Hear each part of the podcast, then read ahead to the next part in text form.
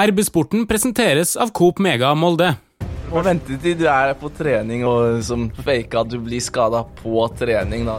Du spiser du med hendene, da. Så når vi spiser de lokale rettene, så kom de med sånn gaffel og kniv. Nei, altså Hvis han uh, har sett på Fifa, så regner jeg med at han er litt ekstra nervøs, ja. Det har ikke skjedd, nei. Velkommen til en ny episode av RB-sporten, Romsdals Budstikkes podkast for fotball og idrett i Romsdal. Mitt navn er eh, Ole Bjørner eh, Lo Velde, og i dag eh, har jeg med meg et panel med sportsjournalist Martin Brøste i Romsdals Budstikke. Velkommen. God dag. Så har jeg med meg fotballkommentator og radiovert i 1FM, Carl-Henrik Innbjørg. Velkommen. Ja, hei hei. Og i bua på Aker stadion, der sitter du, Mattis Bolli. Velkommen Yes. til oss. Takk, takk. Det har vært ei eh, artig uke. Det er jo ikke hver uke som innledes med trekning av eh, 16-delsfinaler i Europa League, men eh, det var det altså. Molde trakk eh, Hoffenheim. Eh, tysk motstand. Hvordan, eh, hvordan var det? Spennende. Altså, vi gleda oss veldig til trekninga. Så var det litt delt. Noen håpet på engelsk motstand, noen håpet på det, Altså, jeg tror alle håpet på enklest mulig motstand, men samtidig, når du ser noen av lagene som er med, så har du også lyst til å møte et lag som kanskje er et ManU, f.eks., hvor eh, mange her kjenner Ole Gunnar og bare det å spille på Old Trafford, det er også en opplevelse i seg selv. Men eh, når alt kommer til alt, så tror jeg alle vil ha den enklest mulig motstand.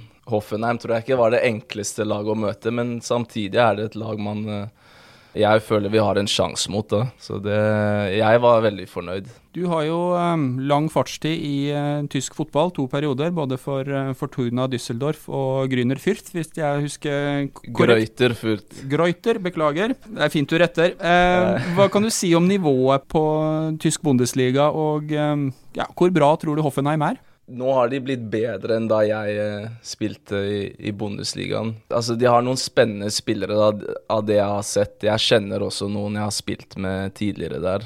Så som jeg har fått med så har de ikke starta sesongen altfor bra. Ligger sånn midt på tabellen. Så jeg regner med at det er et sånn typisk tysk eh, mannschaft. Jobber bra sammen, godt trent. Og så har de noen enkeltspillere som er eh, Eller alle er på et godt nivå. da Bundesliga har ikke dårlige spillere, men at det er noen med litt ekstra X-faktor der. Karl Henrik, hva tenkte du? Mener du har hørt at du over tid har drømt litt om Manchester United, men eh, så ble det Hoffenheim. Det er jo mange som har drømt om uh, ManU i forhold til settinga som uh, Mattis var inne på, med, med Ole Gunnar og ikke minst uh, ManU i seg sjøl. Men jeg tenker jo, samme som Erling sa rett etter trekninga, at dette var egentlig ganske grei trekning uh, i forhold til alle klasselagene som lå i potten. Jeg er ikke like fornøyd som mange andre. Jeg tenker at dette her er i utgangspunktet et lag som skal slå Molde greit, så ærlig må vi være. Og så er det litt for lite sexy til at det er veldig attraktivt. Eh, Jeg tror ikke folk i Molde, eh, supportere, greier å nevne én spiller som er på Hoffenheim. Har du en til oss? Meg? Jeg har en, jeg har en artig variant eh, med sportsdirektøren til Hoffenheim. Han har vært med på å slå Molde ut av cupen for Follo. Det Follo? er det ikke mange som vet. Rosa drakter? Ja, det var ikke rosa den gangen, men uh, han har det klingende navnet Alex Rosén, og han uh, spilte to sesonger i, i Follo, og var altså med på å både skåre og slå Molde ut av cupen i 2006. Det må jeg innrømme at jeg har uh, fortrengt. Det er en fantastisk historie, da. Ja, det er det. Og det, er nå er han altså sportsdirektør i Hoffenheim. Så Men- nå kan jo Molde få sin revansj, da. Du som eh, kjenner Bundesliga bedre enn oss, eh, Mattis, hva, hva kan du si om, eh, om Hoffenheim og f.eks. arenaen til rundt eh, 30 000 tilskuere? Det er jo ikke Ja. på en måte Olympiastadion i München, men eh, det er jo litt volum over det. Ja, eh, veldig fin stadion. Jeg har spilt der. Men eh, mange i Tyskland er ikke så glad i selve klubben Hoffenheim, da, fordi de har eh, Det er en veldig liten by som eh, ikke har jobbet seg opp eh, Eller jeg kan ikke helt historien deres, men jeg vet at de har hatt en veldig rik eh, eier som eh, har bygget dem opp med masse penger. Og det er det mange i Tyskland som ikke setter så veldig stor pris på. Men sånn lag og spillerne så kjenner jeg til noen. Han Bebo høyrekanten spilte jeg med i, i Düsseldorf. Rask spiller.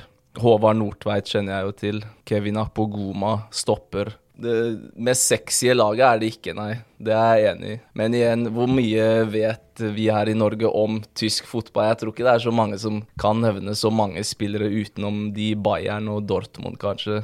Så det er kvalitetsspillere um, i alle lag. Det er bare at de er ikke så kjente som uh, engelske ligaen, fordi de blir ikke fulgt like mye med på, tror jeg. En vanlig øvelse som vi gjør i avisa når Molde kommer til denne type sluttspill, og det, nå snakker jeg jo som om det liksom har skjedd mange ganger før, men det har jo tross alt skjedd noen ganger, da. Det er jo at vi har gjort en sånn øvelse hvor vi har sett på byene og bystørrelse, og som regel så har Molde da vært eh, den minste byen i et eh, gruppespill, eh, eller et sluttspill da, som nå. Men eh, den gangen her så ble vi faktisk litt usikre på, på Hoffenheim, for eh, akkurat den lille husklynga der stadion ligger, den er mindre enn Molde by, og så ligger det vel en by ved siden av da, som har en 38 000 innbyggere eller noe sånt, ifølge, ifølge Heidelberg, Wikipedia. eller? Ja, er det det? Ja. Stemmer. Så det er vel kanskje det som er hjembyen til klubben, da, selv om den bærer navnet Hoffenheim. Jeg tror det er der de fleste spillerne bor. Tar jeg feil hvis jeg sier at uh, Hoffenheim spilte en, uh, en, liten rolle i noen kamper, uh, eller i en avgjørende kamp når du spilte for Düsseldorf, eller? Ja, de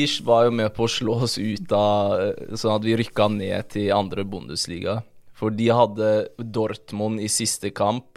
Og vi regna med at Dortmund kom til å slå Hoffenheim, eh, for det hadde hjulpet oss opp på kvalikplass. Eh, men eh, Hoffenheim slo Dortmund på Dortmund stadion og gjorde sånn at vi rykka direkte ned. Er det sånn så det å forstå var... at du føler at du har litt å, å revansjere mot den gjengen, eller? Nei, var, vi hadde egne hender, så det, vi kan takke oss sjøl for det. Men uh, der og da var jeg skuffa, for jeg hadde jo et lite håp om at uh, Dortmund kanskje skulle hjelpe oss litt, men uh, det skjedde ikke. Og, men uh, herregud, det er ikke noe jeg hadde imot Hoffenheim for det. Jeg vil bare gjøre en god kamp mot dem, ja, det er det jeg tenker på. Det var jo en annen Molde-kjenning som faktisk sendte dere ned, da. ikke om du husker hvem det var, i den, i den kampen som Fortuna spilte? Ja, ja, jeg husker Jeg spilte den matchen MAM skårte i den kampen, gjorde han ikke? Jo da, to mål faktisk. Nei, én gang. En og én assist. Ja, ja Jakona skårte vel det andre, om jeg husker riktig. Korrekt. Nei, alle de kampene husker jeg som det var i går. Så det var både stort og skuffende samtidig. Hvis vi ser litt på tysk fotball, uh, Hoffenheim. Uh, det er jo ingen tvil om at den tyske Bundesligaen er renka over den norske. Men, mm. men, for din del, sånn spillemessig, får du større eller mindre plass uh, å spille mot sånn motstand? Nei, altså i, i første Bundesliga er det masse rom, uh, så som jeg husker det. Så uh, mye rom å boltre seg i. Mens andre Bundesliga var veldig tight og tett. og når det gjelder fotballen de spiller, mange av lagene kjører veldig sånn gegenpress, hvor de kjører høyt press og skal vinne igjen ballen kjapt. Eh, men det varierer også litt. Jeg vet ikke, jeg har ikke sett Hoffenheim spille så mye i år, så jeg vet ikke helt hvordan de spiller. Når det gjelder fotballmessig, da, det å spille ball, så har jeg aldri spilt på et lag som spiller bedre fotball enn det vi gjør her i Molde. Sånn Dusseldorf var ikke i nærheten. Det var kontringslag hvor vi lå nedpå og venta på muligheter, for så å kontre med en gang vi fikk dem. Samme i, i Grøyte Furt, egentlig. Så det er det som gjør at jeg tenker vi har sjans, da. Fordi det er nok ikke alle lag der ute som forventer at Nå har de jo sett Molde på video, sikkert, men det er ikke alle som vet at vi faktisk spiller veldig bra fotball her. Men det er jeg helt enig med deg. Det er altfor mange i Norge som snakker ned norsk fotball. Ja, helt enig. Og det føler jeg vi har vist litt med Molde i Europa nå at uh, vi spiller faktisk bra fotball i store perioder. Um, og vinner kamper i tillegg da mot utenlandsk motstand. Noe som viser at vi, uh, vi kan spille her også. Nyere tid så skal man vel være så ubeskjeden å si at uh, Molde er den delen av norsk fotball som har hatt internasjonal suksess. For det, dere har faktisk ved flere anledninger klart å kvalifisere dere videre til et sluttspill og vise at Å gå videre fra ei gruppe med Arsenal, Rapid Wien og, og Dundalk, det er sterkt, rett og slett. Jeg er helt enig. Ja, Dundalk var vel det laget kanskje folk forventa at vi skulle slå, men sånn Rapid Wien er jo et stort lag i europeisk sammenheng. Eh, Arsenal trenger jeg ikke å nevne engang. Så det at vi klarer å slå Rapid her og spille uavgjort der, og spille en god omgang mot Arsenal det holdt ikke helt inn, men vi viser gode tendenser. Og når vi i tillegg klarer å eh, få med så mange poeng som vi gjør fra gruppa, det er, eh, ja, vi klapper oss selv på skulderen litt for, for den innsatsen. Molde er jo det, det lavest renka laget. Hvis du ser på den europeiske klubbrankingen, så er Molde det lavest renka laget som er i, i 16-delsfinale nå. Og Rosenborg har jo prøvd nå i, i flere år å, å, komme seg videre, har jo knapt vunnet en eneste kamp. Så de, Rosenborg har faktisk tapt nest flest kamper i Europaliga-historien. Bare slått av Rapid Wien. Ja, ja, interessant. Det er vel på nivå med den innsatsen til Dundalk, hvis vi Hvis vi begynner å se på det. Ja. Eh, når vi er så heldige å ha deg i, i studio, Mattis, så, så, har vi lyst til å, å, gå litt tilbake i din fotballhistorie. For eh, det ligger jo veldig mange gode eh, historier der. Når eh, navnet ditt leses opp eh, av spikeren på Aker stadion, så sier han eh, Mattis Bolly. Men på Wikipedia så heter du Mattis Gasua Kippersund Bolly. Og det vi merka oss her at det er jo et etternavn her med romsdalske aner. Stemmer det. Keepersund er fra Bud, eller? Bu, sånn som jeg har lært meg å si det her. Jeg vet ikke om det er bud eller bu. Det er helt rett. Ole Bjørner er ikke romsdaling, Nei, det er, det veldig bra du retter på meg. ja, det er uh, ute i Bu, ved Kippersundet. Her stammer min familie fra, da, det navnet Kippersund. Og um, nå må jeg huske det rett, men faren til morfaren min, altså oldefaren min, flytta derfra han var med å starte skobutikk på bussterminalen her, tror jeg, sammen med broren sin, Skotøyhallen, før han flytta videre til uh, Bergen, uh, der min morfar vokste opp. da. Og så flytta morfaren min videre til Sunnmøre, hvor moren min vokste opp. Så det er egentlig mest på Sunnmøre jeg har Eller det er bare der jeg har vært og besøkt familien min uh, i oppveksten. Men så har jeg etter hvert lært å, å kjenne originale stedet hvor jeg egentlig kommer fra, da, som er Bu. Og har vært og besøkt uh, både huset der uh, familien min bodde, og um, stedet, da. Bare for å få sett litt uh, hvor det starta. Så det var gøy. Og da, da begynner vi på slektsgranskinga med en gang, og har jo kommet fram til det, Martin, at da blir jo han i slekt med Jonas Keepersund Rønningen. Ja, var det mødrene deres da som er, som er tremenninger, var ikke det vi konkluderte med? Eh, jeg må innrømme at der er jeg ikke helt sikker, men i nærheten der, ja. Noe i den duren. Så jeg har ikke fått diskutert det med Jeg har ikke fått møte Jonas ennå og diskutert det med han, og kanskje han vet like lite som meg akkurat der. Eh, men jeg vet at det er fra, fra den nærmeste slekta til Jonas, så har de jobba på Skotøyhallen, ja. Ja, ok. Det er noe i det. Hei sann, det er jo Hilde på Coop Mega Molde, Molde Storsenter. I år håper vi at du kommer ekstra tidlig og handler til jul. Vi har pinnkjøtt, ribbe og alt av julevarer på plass, så det er bare å komme og gjøre seg ferdig i god tid. Unngå de største køene, og bruk hele åpningstida vår. Vi er veldig nøye med å følge alle smittevernrutiner, sånn at du kan gjøre en trygg handel. God førjulstid og velkommen til en hyggelig handel hos oss på Coop Mega Molde, Molde Storsenter. Din eh, fotballhistorie den eh, starter på um, Holmlia i Oslo bra fotballmiljø på Holmlia. I hvert fall veldig mange gode fotballspillere som kommer derfra. Hva kan ja. du si om, eh, om, fotball liksom i barne- og ungdomsåra for din del? Altså, jeg starta på Lyn. Jeg bodde litt andre steder først, men sånn, som tiåring så flytta vi til Holmlia. Eh, og det jeg fikk oppleve der, da, det var at det var et veldig miljø rundt banen, fotballbanen, hvor folk spilte dagen lang. Og vi koste oss der. og og det viste seg etter hvert at det var veldig mange gode der, da, siden det er så mange fra det miljøet som har klart å ta steget opp i profftilværelse. Um, name-droppe litt for oss, eh, Mathis? Ja, Oyi, som vi kjenner godt. Uh, Adama Diomande. Haitam Alesami. Musa Njay. Uh, Moses Mava på godset. Uh, Sheriff Sinjan, som vi kjenner godt. Uh, Jonathan uh, Parr. Det er jo nesten et landslag der. Ja, helt vilt. Mohammed Fella, ikke minst. Han var jo den første av oss som slo gjennom.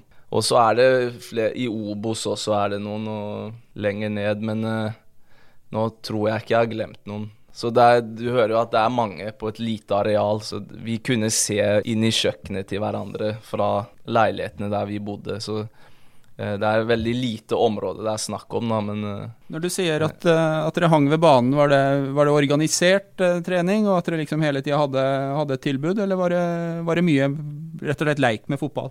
Ja, mye lek. Vi trente, men det var ikke så ofte. Og Holmlia som klubb, altså jeg setter veldig stor pris på Holmlia, men ikke den mest organiserte klubben. Så det var begrensa hvor mye vi hadde som fellestrening, og da var det lek med venner oss imellom, hvor vi organiserte planla kamper på kveldene som vi spilte ofte, da, og i feriene hver dag. Så det holdt jeg på med da fram til jeg ble sånn 18. Da flytta jeg til LSK og signerte for juniorlaget der. 17-åring, sorry. Og så flytta jeg etter hvert over når jeg fikk proffkontrakt til Lillestrøm, og da ble det mindre løkkefotball, da. Noe som jeg har fått veldig tyn for i ettertid, at jeg ikke viste meg nok der med en gang jeg ble proff. Men det var rett og slett bare fordi jeg var så sliten at det kosta da å trene med A-laget. Så da ble det mindre av løkkefotballen. Det var ikke redsel for skader altså, fra det medisinske apparatet i Lillestrøm? Eh, nei, det, det, da hadde ikke skadene starta ennå. Det var før alt det der kom. Starta, da kjente jeg ikke til skader. Starta skadeopplegget litt med en eh, sånn snowboard-ulykke, eller? Eh, faktisk, ja. Det var sånn det starta, ja. Eh, men det var jo ikke det, herregud. Det eh, var en akkumulasjon av mye kamper. Jeg hadde begynt å slå gjennom for, um, for, fullt og ble brukt i alle treningskampene. Vi trente veldig mye, sånn, løp veldig mye i preseason. Og så hadde vi fått en fridag da, hvor hele laget skulle gå og stå på snowboard. Og dagen etter så bare merka jeg at uh, hofteleddsbøyeren var helt uh, Det gikk ikke mer, da. Uh, noe som etter hvert utvikla seg til at jeg måtte operere. Mange vil ha det til at det skjedde på snowboarden, men det er jo selvfølgelig helt feil. det skjedde lenge før, men det var liksom kanskje dråpen over eh, som gjorde at begeret rant over. Fikk du kjeft av klubben da for at du har stått ja, på snowboard, eller? Ja, Henning Berg var helt fra seg. Han øh, ble dritsur og altså Skip og de gutta da, som elska sånne utflukter vi hadde, eh, var jo også fra seg, da. Så mente jeg var så urutinert som Herregud, du må ikke, må ikke fortelle at det skjedde på snowboarden. Du må, må vente til du er på trening og, og som fake at du blir skada på trening. Da. Det var liksom Det må du jo vite.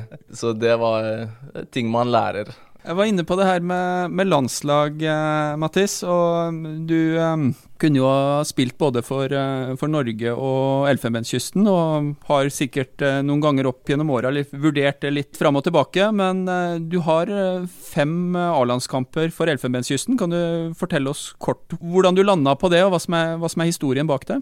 Jeg har jo et par kamper for U-landslaget, U19 og U21 fikk jeg aldri noen kamper, men jeg var med på samling. Og så når jeg flytta til Tyskland, begynte å spille Bundesliga, så begynte de vorianske forbundene å følge litt med, samtidig som Tor Ole Skullerud um, drev og forberedte U21. Vi hadde kvalifisert oss til um, EM i Israel. Eh, så han var veldig på også, da, med at jeg skulle være med der. Og så, før siste kamp eh, før sesongen, så kontakta um, ivorianske Eller treneren ringte meg og sa at eh, vi tar deg med hvis du vil. Og det var da jeg måtte sette meg ned og få alvor og, og bestemme meg da om jeg ville spille for Norge eller Elfenbenskysten.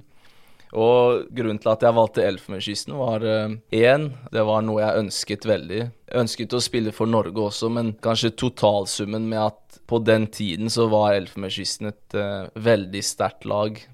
Mange store profiler. Tøffere å spille seg til en plass på laget, men samtidig så jeg VM i Var stor sjanse for å spille VM.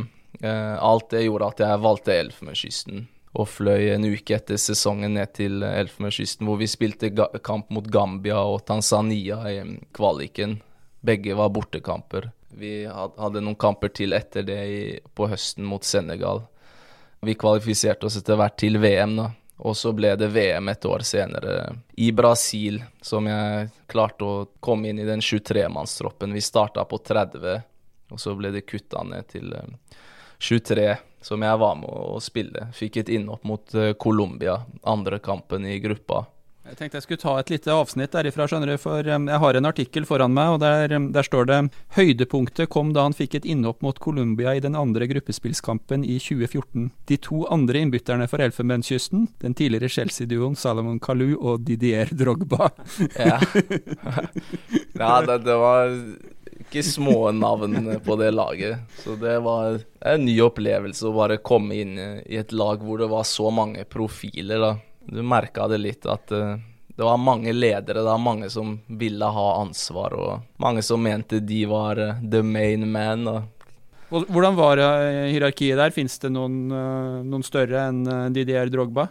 Ja, altså, Innad i laget så var det vel flere som mente at de, med god grunn også, herregud, Yaya, Colo Toré, eh, Didier Zocora Men sånn utad så er jo Drogba den største stjernen, men eh, det var ikke han som var kaptein da, jeg tror det var Yaya. Yaya Toré var jo blant verdens aller beste midtbanespillere på den tida her.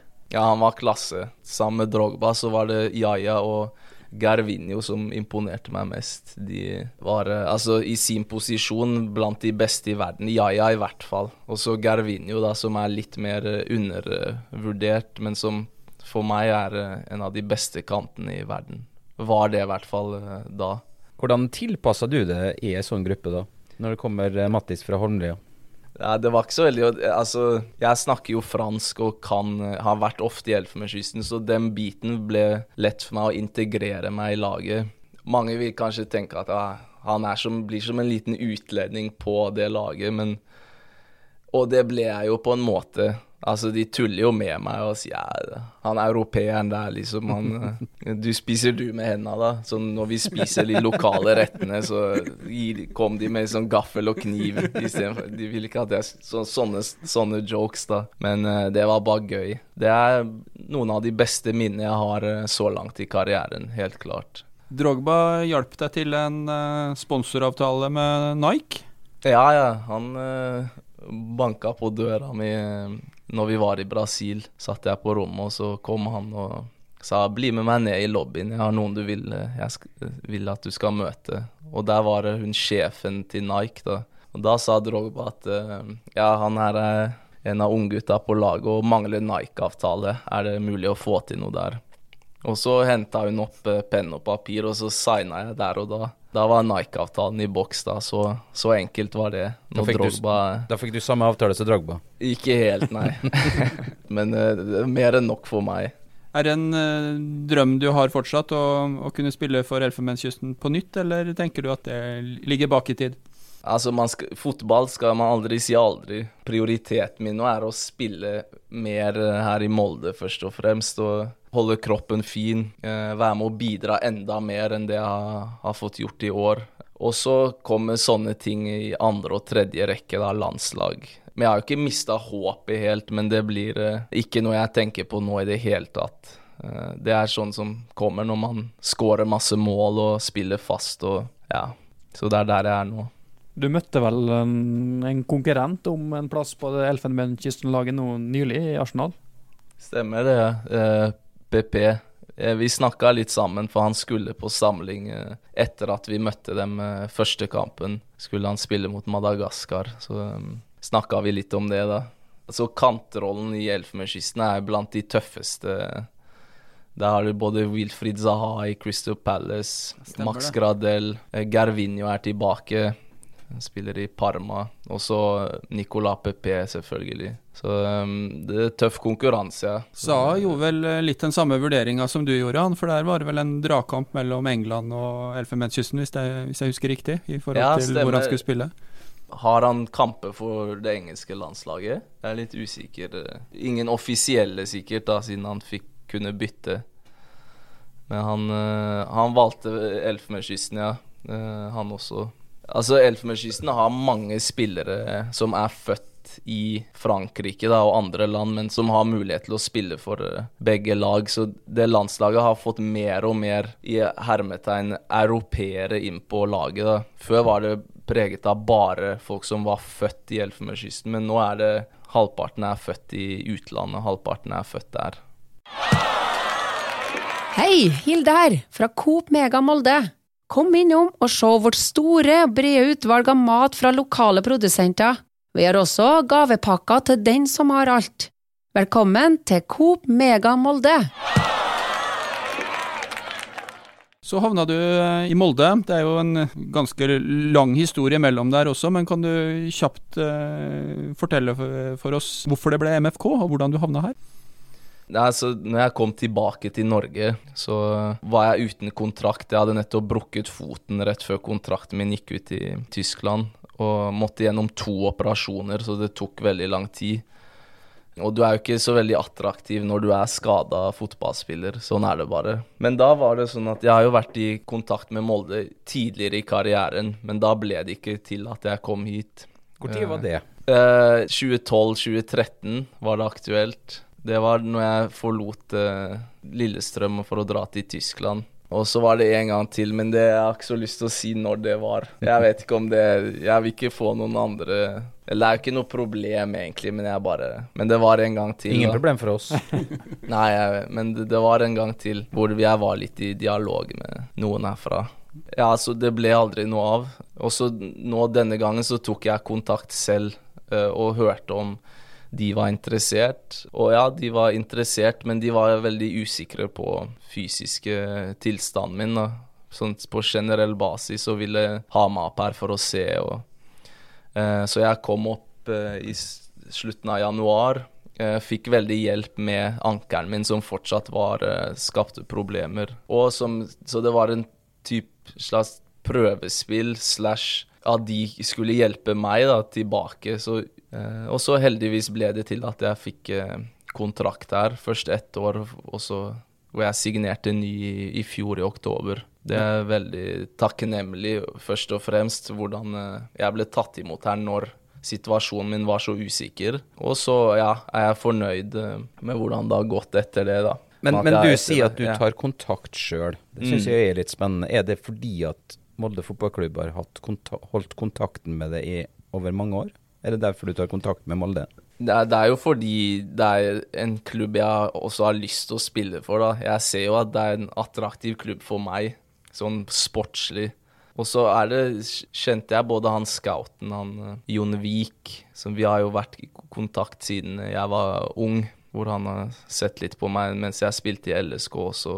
Pluss, da, som er hovedsaken, det at jeg ville spille for en klubb som spiller bra fotball. Så da kontakta jeg Molde, da. Og heldigvis ville, var de også interessert i meg, så da ble det som det ble. Men Gikk du bredt ut og snakka med mange klubber, eller var det kun til Molde? du- Ja, jeg, jeg kontakta flere også. Så jeg var i dialog med Brann også, eksempel. Jeg var der hvor jeg kunne velge, da. Og da valgte jeg selvfølgelig Molde. For jeg var ikke sikker på om Molde Om det kom til å bli noe. Altså, jeg som spiller, du tenker jo også på deg selv og må jo sjekke OK, hvis det ikke funker, da har jeg et annet alternativ. Så, men eh, jeg er veldig glad for eh, at førstevalget mitt ble det som ble til slutt, da. Hvordan er det å, å gå skadd på den måten der, og kontrakten din løper ut, og melder det seg noe tvil på en måte på om man klarer å komme tilbake, eller er det den tvilen man må stenge ute for at det faktisk eh, skal gå bra? Ja, det er jo tøft mentalt, men det var tøffere det å være skada, å gå gjennom to operasjoner og tenke OK, kommer jeg til å kunne bevege meg sånn som jeg gjorde før? Alt det der, da. Det med å gå uten klubb, det er også tøft, men jeg visste jo at OK, så lenge kroppen min er bra, så jeg vet jo hva jeg kan som spiller. Jeg kommer jo til å få meg en klubb.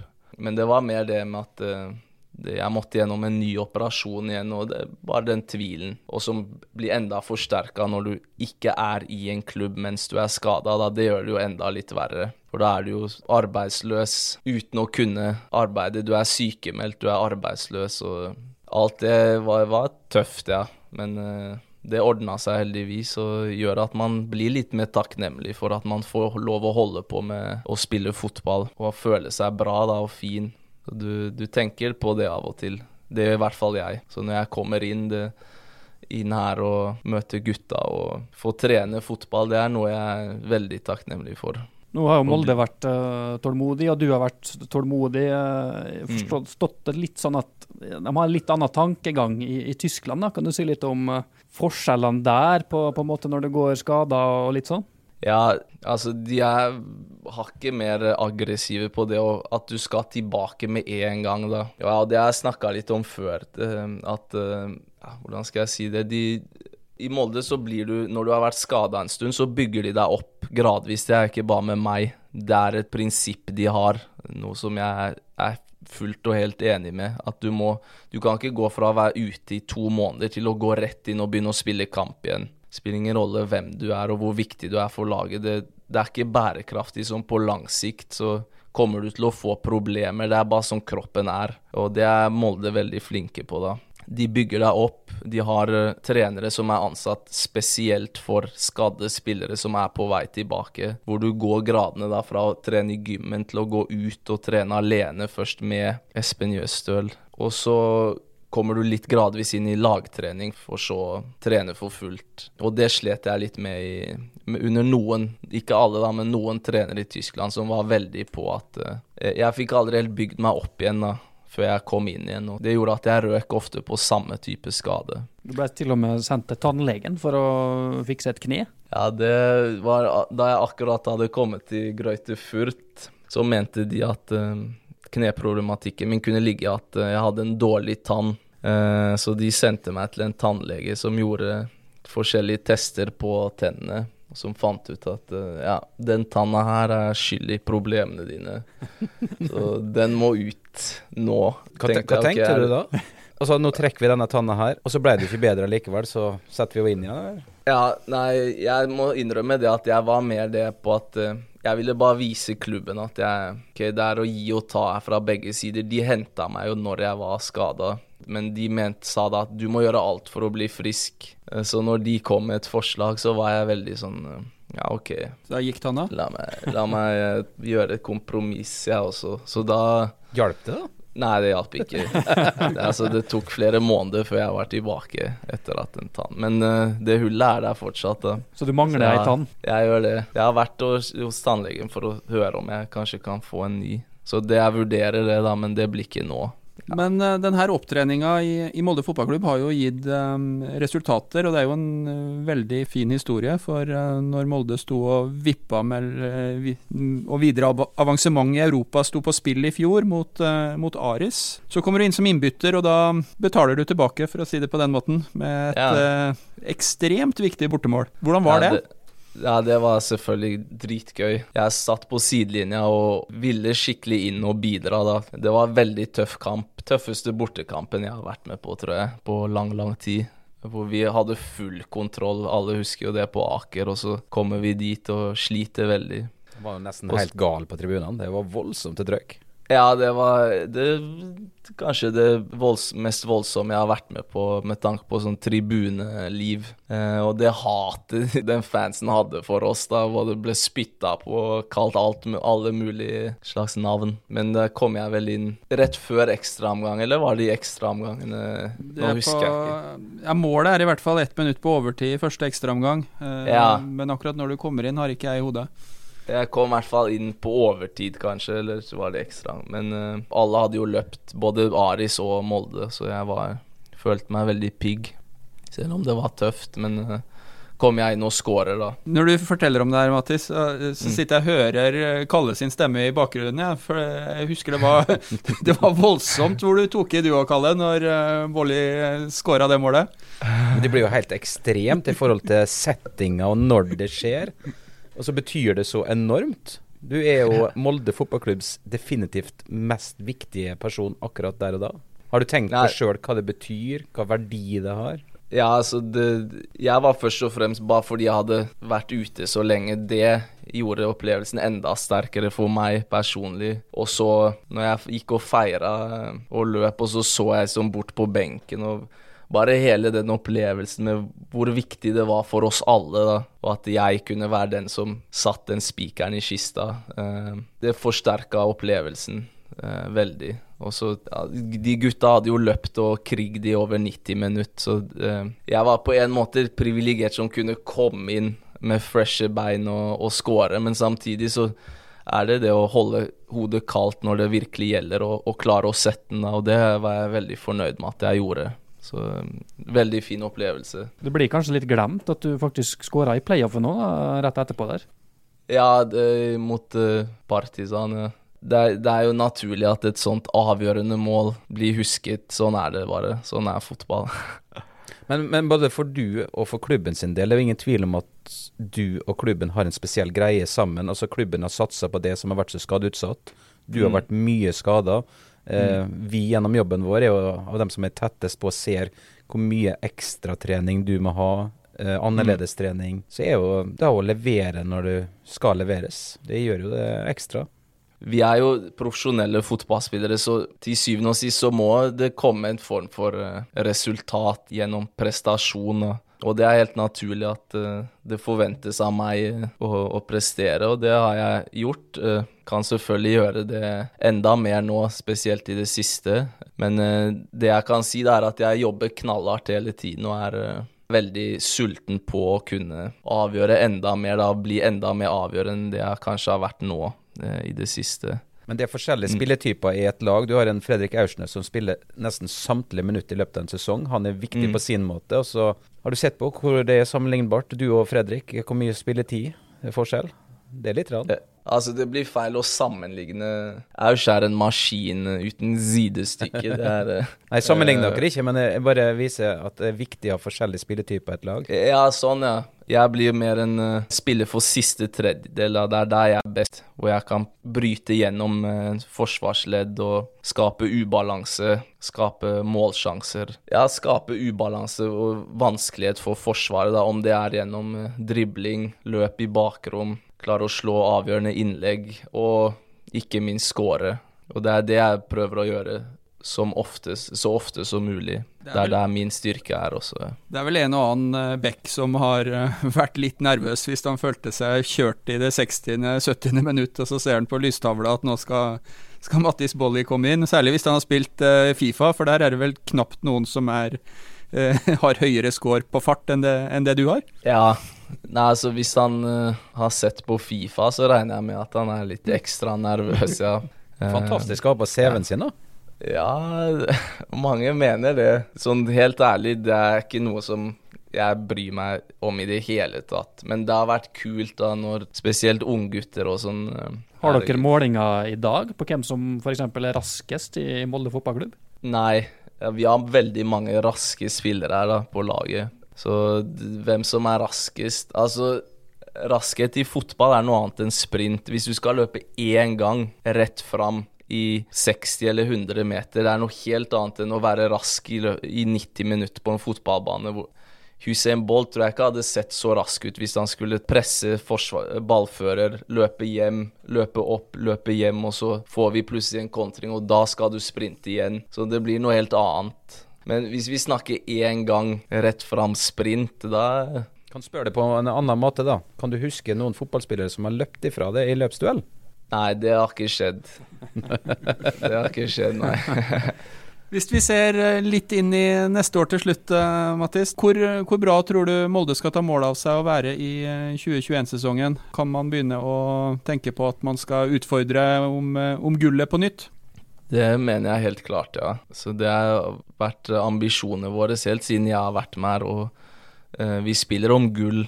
Eh, det gjorde vi i år. Eh, det gikk ikke helt etter planen. Bodø har vært veldig sterke, og så har vi eh, ikke vært helt der i noen kamper som har blitt avgjørende på, i det store bildet. Men i neste sesong sikter vi enda høyere enn det vi, sånn vi har spilt i år. Så helt klart gull, ja. Gir det en boost at eh, sesongen starter 18.2 med, med avgjørende kamper? Eh, ja, preseason i Norge er veldig lang, så det at vi får spille noen viktige, avgjørende kamper litt tidligere, er bare gøy, det.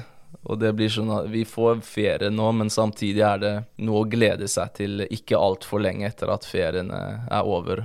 Så vi må holde oss i gang og i ferien, ikke slappe av for mye, ikke for mye pinnekjøtt og ribbe. Holde formen i gang, sånn at det ikke blir altfor lang vei opp. eh. Slipp unna mye av den kjedelige oppkjøringa. Ja, det, det er det tyngste. Helt klart. Så vi får spilt noen kamper, tenker jeg, før eh, Hoffenheim-kampen også. Så det er gøy. Bare få spilt litt kamper ganske tidlig og kommet inn i det på en annen måte enn det vi pleier. Dette her syns jeg var veldig bra, for jeg merker at jeg begynner å glede meg til den neste sesongen allerede før den, den her er ferdigspilt. Så eh, veldig eh, bra at du kunne være med og gi oss litt framtidshåp, eh, Mattis. Tusen, Ja. eh, tusen takk. Bare hyggelig. Eh, til deg som lytter av RB-sporten, så takker jeg for følget i dag. Eh, gjør igjen oppmerksom på at dersom du abonnerer på RB-sporten der du abonnerer på podkast, så får du en beskjed når en ny episode er klar. Takk for følget. Hei, Hilde her, fra Coop Mega Molde. Og at Coop Mega Molde finner du alt du trenger til både hverdag og fest. Kom og la deg friste av den lengste ferskvaredisken i Romsdal. Du finner også et stort og bredt utvalg mat fra lokale produsenter. Velkommen til Coop Mega Molde.